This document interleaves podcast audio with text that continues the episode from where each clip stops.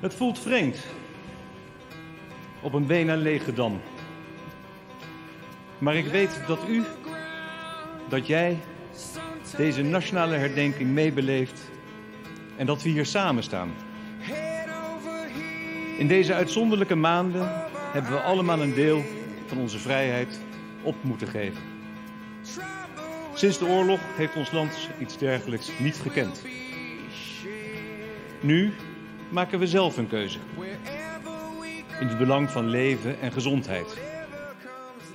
Dit is Corona Corona. Een podcast door Ruben Kales.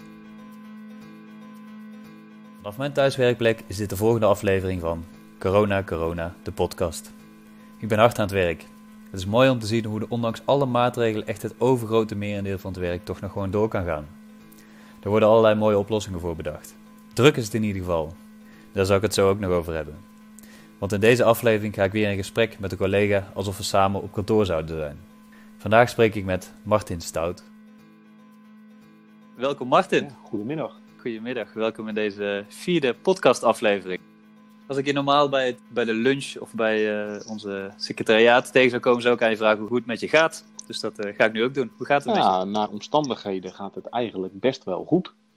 Uh, alhoewel we natuurlijk wel helemaal geleefd worden en alles gewoon op hetzelfde moment kunnen doen nu we thuiswerken. Want we kunnen zowel afspraken in Groningen doen, als een half uur later afspraken in Maastricht gevolgd door een schitterende afspraak in Rotterdam, uh, waardoor je gewoon uh, vanuit je eigen werkkamer het hele land door kan.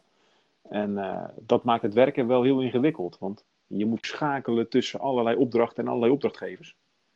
Ja. Maar ja, als dat het enige probleem is wat we hebben, hebben we eigenlijk gewoon een luxe probleem. Want we zijn allemaal gezond, we zijn allemaal fit, we hebben allemaal nog een boterham. dus eigenlijk is het luxe. Ja, en uh, veel boterham als ik jou zo hoor, want je hebt het onwijs druk. Ja, nee, ik, ik kan genoeg boterham kopen op dit moment, als, als je het zo bedoelt, inderdaad. nee, ja, de, de, de, de, opdrachten komen op je af. dat zou natuurlijk enigszins te maken kunnen hebben met, met waar mijn opdrachten zitten. Mijn opdrachten zitten altijd in het financiële. En ja, in iedere goede crisis denkt iedereen na over zijn financiën. Zo ook binnen gebiedsontwikkeling.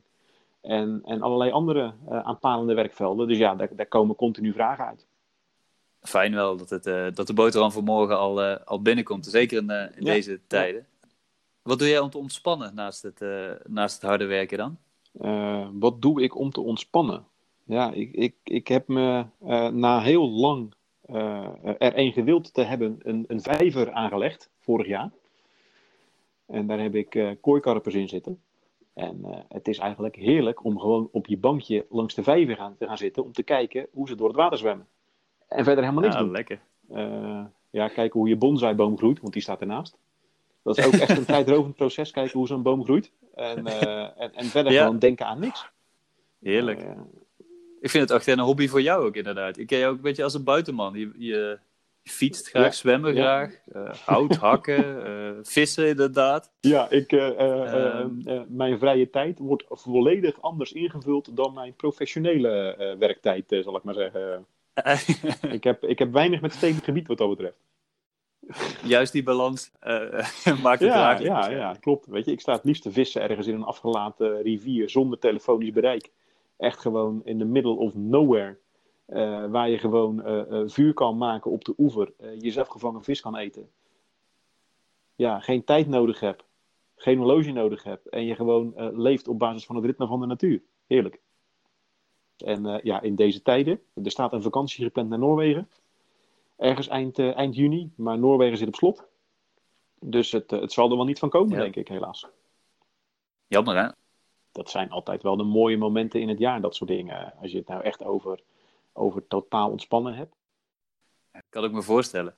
Ik heb ook nog een vraag van een collega en die sluit hier wel heel erg mooi op aan. Dit is wel een mooi moment om hem te stellen. Komt-ie. Hoi Martin, dit is Sterre. Eerder vandaag vertelde je dat je in deze coronatijd soms even aan het einde van je Latijn bent. Maar er dan toch nog wat werkdagen in de week over zijn. Wat doe jij om dat soort dagen toch door te komen? Ja, kijk, uh, door alle hectiek die ik net al aangaf, uh, doe je veel meer in een week uh, dan dat je normaal gewend was te doen in een week. En dan ben je gewoon rond de donderdag, is het energieniveau gewoon op. een powernapje is een van de zaken die dan wel werkt. Maar wat natuurlijk ook Ja. werkt is, als je dan alleen de vrijdag nog moet, is het vooruitzicht van het weekend. En dan is in het weekend waar je alle leuke, ontspannende zaken doet, voldoende vooruitzicht om die vrijdag ook nog wel even door te komen. Dus dat zijn eigenlijk de dingen. de weekenden helpen je eigenlijk weer de week door en helpen je het einde van de week halen. En helpen je weer de week fris te beginnen. Nou ja, net Ja. gaven we wel aan wat de weekendactiviteiten zijn. En uh, uh, ja, daarnaast probeer ik door de week ook wel gewoon in de avonden naar buiten te gaan. Maar dat, dat, dat lukt ook gewoon niet altijd. Door allerlei verschillende omstandigheden. Ja. Ja, die dingen. Wat dat betreft heb jij wel, wel hele lekkere hobby's, uh, Martin. Als ik naar mijn eigen hobby's kijk, uh, wil ik nog wel graag een biertje drinken op de vrijdagmiddag. Of wil ik naar het uh, voetbal gaan op zondag. Of uh, naar musea. Of, maar dat zijn toch wel zaken die je eventueel nu momenteel bij ik, inschieten. Ik kan al mijn hobby's volledig in mijn eentje op dit moment uitvoeren. Zonder dat mijn wereld door corona aangetast is. Ik kan fietsen als ik dat wil. Ik kan hardlopen als ik dat wil. Ja. Zwemmen is de enige hobby die niet gaat. Tenzij ik in buitenwater ga zwemmen. Maar ja, buitenwater is nu iets aan de frisse kant. Uh, maar in dat buitenwater ja. kan ik wel vissen, volledig in mijn eentje. Uh, dus ja, ik, ik kan in principe al mijn hobby's gewoon uitvoeren. Lekker man. Ja, vooral blijven doen ook. Ja, precies. Je zei net al, je bent uh, financieel adviseur voor gebiedsontwikkelingen. Sinds enige tijd ben je ook, ja, ook partner nog. bij ons, ook nog. bij onze adviesgroep. Partner Finance and Governance voor grondbedrijven en verbonden partijen. Hoe bevalt dat? Uh, een hele leuke stap die ik gezet heb. Uh, je, je, denkt je in uh, dat er, je hoopt dat er niet heel veel gaat veranderen. je weet stiekem dat er best wel veel gaat veranderen, want ineens vallen gesprekken stil als je aankomt lopen. Het, het, mooie van corona is dat dat niet meer kan. dus die ervaring is al een stuk minder op dit moment. Want ja, je, je komt gewoon simpelweg niet aanlopen op dit moment. Ja, is dat zo? Merk je echt een andere benadering? Het verschil is wel heel klein op dit moment nog. En dat, dat vind ik wel heel prettig. Dat betekent dat je gewoon uh, een, een, normaal onderdeel van de groep bent en dat men niet raar naar je kijkt ineens. Uh, want dat kan natuurlijk wel gebeuren. Nee. Uh, waar je de grootste verandering ziet is bij opdrachtgevers. als er partner op je kaartje staat, dan krijgen opdrachtgevers ineens heel anders naar je. Voor de buitenwereld is het echt een ding oh, ja. dat je partner wordt. En ja. uh, ergens had ik dat wel verwacht, maar ik had niet verwacht dat dat zo'n groot verschil was. Want op het moment dat jij dan iets aandraagt aan de opdrachtgever, of het, of het wordt makkelijker precies, geaccepteerd, precies, of het precies. Heeft een bepaalde. Uh, weet je, het klinkt heel suf, maar als er op je visitekaartje een titel staat, dan helpt dat gewoon. Terwijl je gewoon dezelfde persoon bent als de dag daarvoor. maar er wordt gewoon anders naar je gekeken en er wordt gewoon anders naar je geluisterd op zo'n moment. En lijkt me wel lekker. Eigenlijk zou ik die, die titel ja. ook wel willen dragen. Als ja, maar voor de vorm gewoon. Ze kunnen hem niet tussen haakjes op mijn visitekaartje nou zetten dan. Dat experiment kunnen we wel echt een keer aangaan. Maar er horen ook wel heel veel andere dingen bij uh, die je er gratis bij krijgt. Hè? Uh, ja, geintje natuurlijk. Uh, geintje, ja, je moet natuurlijk ook wel met elkaar proberen een club te runnen. Dat doen wij dan gelukkig met z'n vijven. Dat helpt wel. maar ja, je moet ook gewoon met iedereen jaargesprekken voeren. Dat heb ik dit jaar voor het eerst gedaan met zoveel mensen. En dat is toch ook wel een aardige aanslag op je capaciteit die je dan op dat moment hebt. Ik vind het erg leuk om te doen. Uh, ja. We hadden ook hartstikke leuke gesprekken met elkaar. Uh, maar ja, in die tijd kan je geen andere dingen doen. En dat is ook, moet je ook leren. Is het voor jou altijd al een streven geweest om deze volgende stap te zetten? Of is dat iets nou, wat op je pad je, is gekomen? Ik, ik, ik stippel mijn carrièrepad uh, niet zo uit. ik zet ergens een stip op een horizon. En dan gaan we gewoon lekker de dingen doen die we willen doen. Ik, uh, ik, kijk echt niet bij iedere stap die ik zet of ik bewust uh, een stap richting die stip zet of een stap de andere kant op zet. Daar denk ik niet zo over na. Uh, als je er aan toe bent, dan komt het wel, is mijn ervaring. En zo is het met dit ook gegaan. Ik, ik, heb nooit gezegd dat ik het niet wil. Het is altijd iets waar ik dacht van ja, als ik daar aan toe ben, dan zal het wel gebeuren. En dan wil ik dat ook wel. Op een hele natuurlijke manier. En dat is eigenlijk hoe ik alle dingen doe. Ja, de na natuurlijk is sowieso wel een, uh, een rode draad in precies, jouw, precies. je leven. Uh, het, het, het, het, komt zoals het komt. Het komt ja. op een natuurlijke manier, ja. ja. Grappig. En je zei het al, bij opdrachtgevers komen uh, opdrachten misschien ook makkelijker binnen. Wat zijn nou echt de allerleukste opdrachten die jij graag doet? De allerleukste opdrachten die ik graag doe.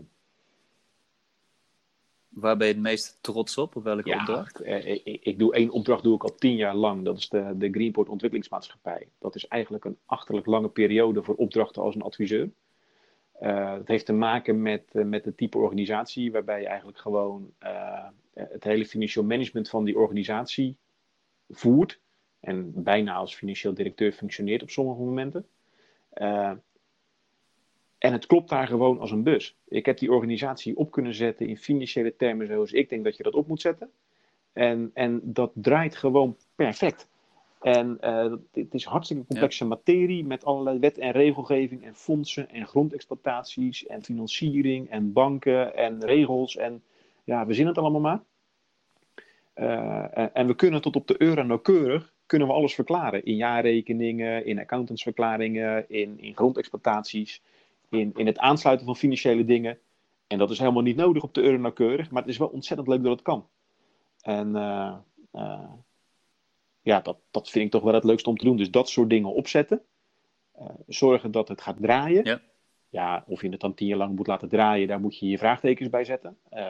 Misschien dat je het eerder over zou moeten dragen. Maar het opzetten en het draaiend krijgen van dat soort dingen, ja, dat is wel erg leuk. Is dat een van je drijfveren? Dat merk ik nu in een aantal verschillende dingen. Er moet gewoon op een goede manier besluitvorming over dingen plaatsvinden.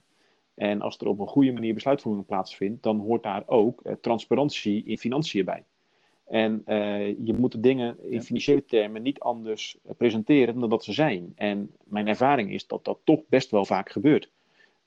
Op sommige momenten bewust, maar in veel meer gevallen, in mijn beleving, onbewust. Omdat mensen gewoon niet goed doorhebben hoe de zaken bij elkaar komen of samenvallen. Ja, en, en als je zo. Kijk, de, de, financiën maken uiteindelijk een project niet. Je financiële ordentelijke verantwoording maakt je project niet. Uh, maar als je het niet op orde hebt, breekt het je project wel. En dan kan je het niet realiseren. Dus in die zin is het een van de belangrijkste pijlers om een project ook gerealiseerd te krijgen. Maar wel een secundaire voorwaarde. Ja, tof. Mooi drijfveer. Ja. Hey, iets anders dat ik van jou weet is dat jij een geodate bent. Iemand die de opleiding geodesie heeft afgerond. Bij geodesie gaat het over letterlijk volgens mij zelfs het meten van de aarde. Wat houdt die opleiding in en ja. hoe heeft dat jou gebracht op het punt in je carrière waar je nu bent? Wat je bij landmeten er gratis bij krijgt, is uh, tegenwoordig ook meten vanuit uh, de ruimte uh, met GPS en met GPS-signalen. Ja. Om dat te kunnen doen, moet je ook weer iets weten van zwaartekrachtmodellen van de aarde. Want zwaartekrachtmodellen van de aarde beïnvloeden de satellietbanen. En pas als je de satellietbanen goed weet, kan je met behulp van satellieten en GPS meten aan de aarde. Dus ja, dat, dat is nogal wiskundig ook wat je dan allemaal aan het doen bent. Als je Ja. metingen hebt, dan wil je metingen kunnen presenteren. Dus dan wil je dat met GIS-software kunnen doen. Dus GIS-pakketten is een, is een onderdeel van de opleiding. Ja. Ja, en op het moment dat je dan ook allemaal aan het aardoppervlak aan het meten bent, ja, misschien wil je dan ook wel wat met grondbeleid en geo-informatie. Hoe ga je dat eh, toepassen? Welk grondbeleid ga je toepassen? Hoe ga je informatie beschikbaar stellen? Hoe ga je met het kadaster om? Weet je, allemaal dat soort dingen die hierbij komen. Nou, en zo ben ik via al dat, eh, die bak aan wiskunde en dat soort zaken en, eh, en, en, het landmeten als basis, uiteindelijk via grondbeleid in planeconomie terechtgekomen. Dat is het bruggetje. Ik was al aan het zoeken. Hoe kom jij nou vanuit de studie geodesie Ja. naar nou, partner Nou ja. finance en governance Eh, bij eh, een van de dingen van grondbeleid is dat je ook eh, wil rekenen of ja, het, het aardoppervlak wil indelen met grondbeleid. Denk aan actief grondbeleid van een gemeente of passief grondbeleid van een gemeente. En bij actief grondbeleid horen grondexploitaties. Zeker. Eh, eh, bij grondexploitaties hoort, als je dat verder door gaat voeren, een stukje gemeentebegroting en finance. Eh, als je je project goed wil inrichten, Ja. moet je daar met governance zaken mee doen. Dus ik ben vanuit de opleiding terechtgekomen in, eh, in de gemeente Rotterdam. Heb daar een tijdje als planeconoom gewerkt. Vanuit planeconomie naar Kleinstra Gudde overgestapt en doorgegroeid naar financieel manager. Dat is veel meer dan planeconomie alleen. Want wij organiseren vaak eh, de financiële eh, vullen vaak de financiële rol in bij eh, gemeentelijke deelnemingen. Dus daar waar een aantal gemeenten samenwerken om een project te realiseren. Maar ja, dan, dan zijn Ja. dat aparte entiteiten. Dan moet je iets als planeconoom met een jaarrekening. Dan moet je iets met een financiële administratie. Dan moet je iets met bestuurlijke informatievoorziening naar een aandeelhoudersvergadering of een raad van commissarissen. Dus ja, dan ben je als planeconoom niet meer voldoende eh, geëquipeerd. En moet je eigenlijk financieel management eh, skills ook erbij hebben. Nou ja, dat, dat lag mij wel. En een aantal jaren geleden heb ik dat aangevuld met een eh registercontrolleropleiding. Om, om daar nog veel meer, Oh ja. naast die hele technische geodesiekant, ook gewoon een financieel-economische kant onder te leggen. En ja, dan is finance en governance binnen gebiedsontwikkeling een, een logisch vervolg. Grappig, want dit is echt een heel mooi voorbeeld van hoe jouw carrière zich heeft ontwikkeld, hoe jij ook nou, eerder al aan partner bent geworden. Het, het komt een beetje op je pad. We zetten ergens een stip neer, uh, juist. We zetten ergens een stip neer en vervolgens komt het zoals het komt. En, uh, en, en bewegen we daarin mee. En natuurlijk moet je dan altijd zorgen dat dat wat je zelf maximaal kan, uh, kan beïnvloeden, moet je maximaal beïnvloed hebben. Dus opleidingen moet je doen. een stukje basis eronder leggen moet er zijn. En dat heb je nodig om kansen te pakken die zich voordoen. Lijkt me een mooie afsluiten. Nog één vraag. Wat ga je doen dit weekend? Ik heb echt nog helemaal geen plannen gemaakt. Komt zoals het komt. Goed. dankjewel Martin. Juist, precies. Hoi. Hoi, dankjewel. Dit was Corona Corona, de podcast. Leuk dat jullie weer geluisterd hebben.